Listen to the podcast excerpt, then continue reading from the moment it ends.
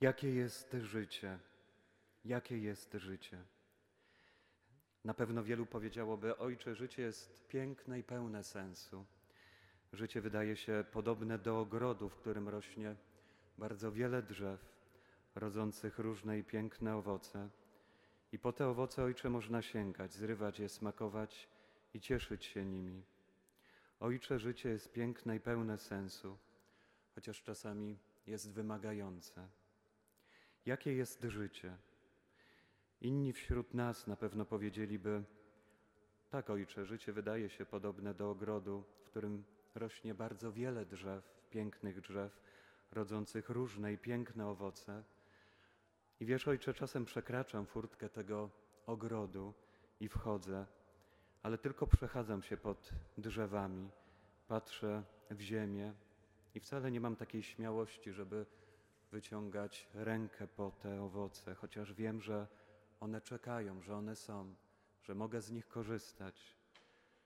Ojcze, życie jest piękne i pełne sensu, ale czasem bywa bardzo trudne i bardzo wymagające. Jakie jest życie?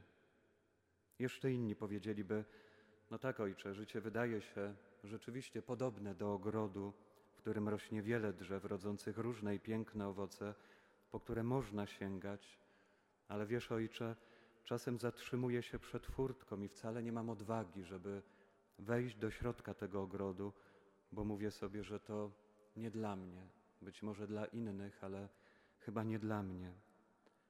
Ojcze, życie jest piękne i pełne sensu, ale czasem bywa naprawdę zbyt trudne i bywa zbyt wymagające.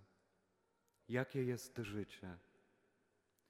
I na pewno są też tacy, którzy powiedzieliby: Ojcze, życie jest ciężkie, i nic więcej by nie dodawali z powodu jakichś trudnych doświadczeń i nie mówiliby o żadnych ogrodach i drzewach i owocach, po które można sięgać, bo mają takie doświadczenie, że życie jest bardzo ciężkie.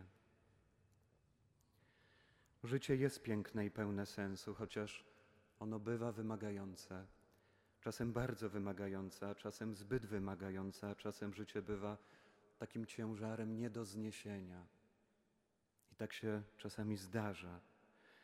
I z tego powodu, dlatego dzisiaj w Ewangelii Jezus mówi: Przyjdźcie do mnie wszyscy, którzy utrudzeni i obciążeni jesteście, wszyscy obciążeni i wszyscy utrudzeni. Czy ktoś z nas może powiedzieć, że to nie do mnie? Pewnie nie, pewnie nie, bo życie czasem jest ciężkie, bywamy utrudzeni i każdy z nas niesie różne ciężary w życiu. Można zapytać oczywiście, jakie to życiowe ciężary zdarza się nam najczęściej dźwigać, z czym koniecznie trzeba, z czym warto przyjść do Chrystusa, skoro mówi, żeby przyjść do Niego.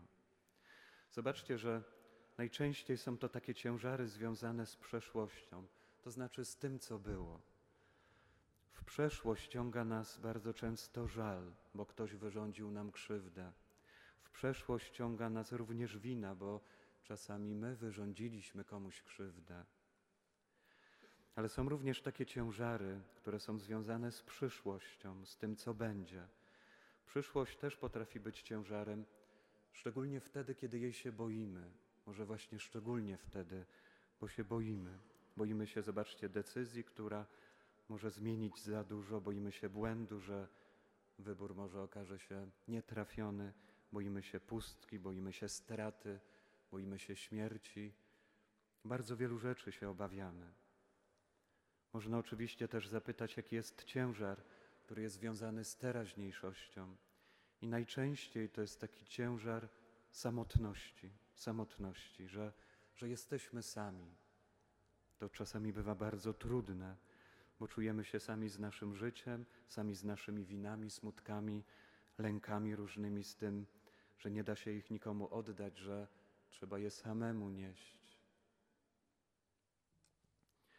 Wszystko to Jezus widzi w nas. On naprawdę to zna. I mówi: Przyjdź z tym do mnie, przyjdź z tym do mnie. I zobaczcie, że to przyjdź to znaczy, nie musisz być z tym sam.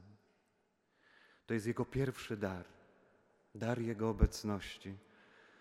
Jezus chce i potrafi naprawdę ściągać szybko ten ciężar związany szczególnie z tym poczuciem samotności i robi to przez dar obecności i mówi: Przyjdź do mnie.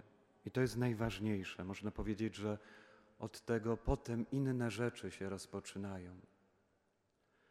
W różnych miejscach szukamy pokrzepienia, umocnienia, pocieszenia, otuchy.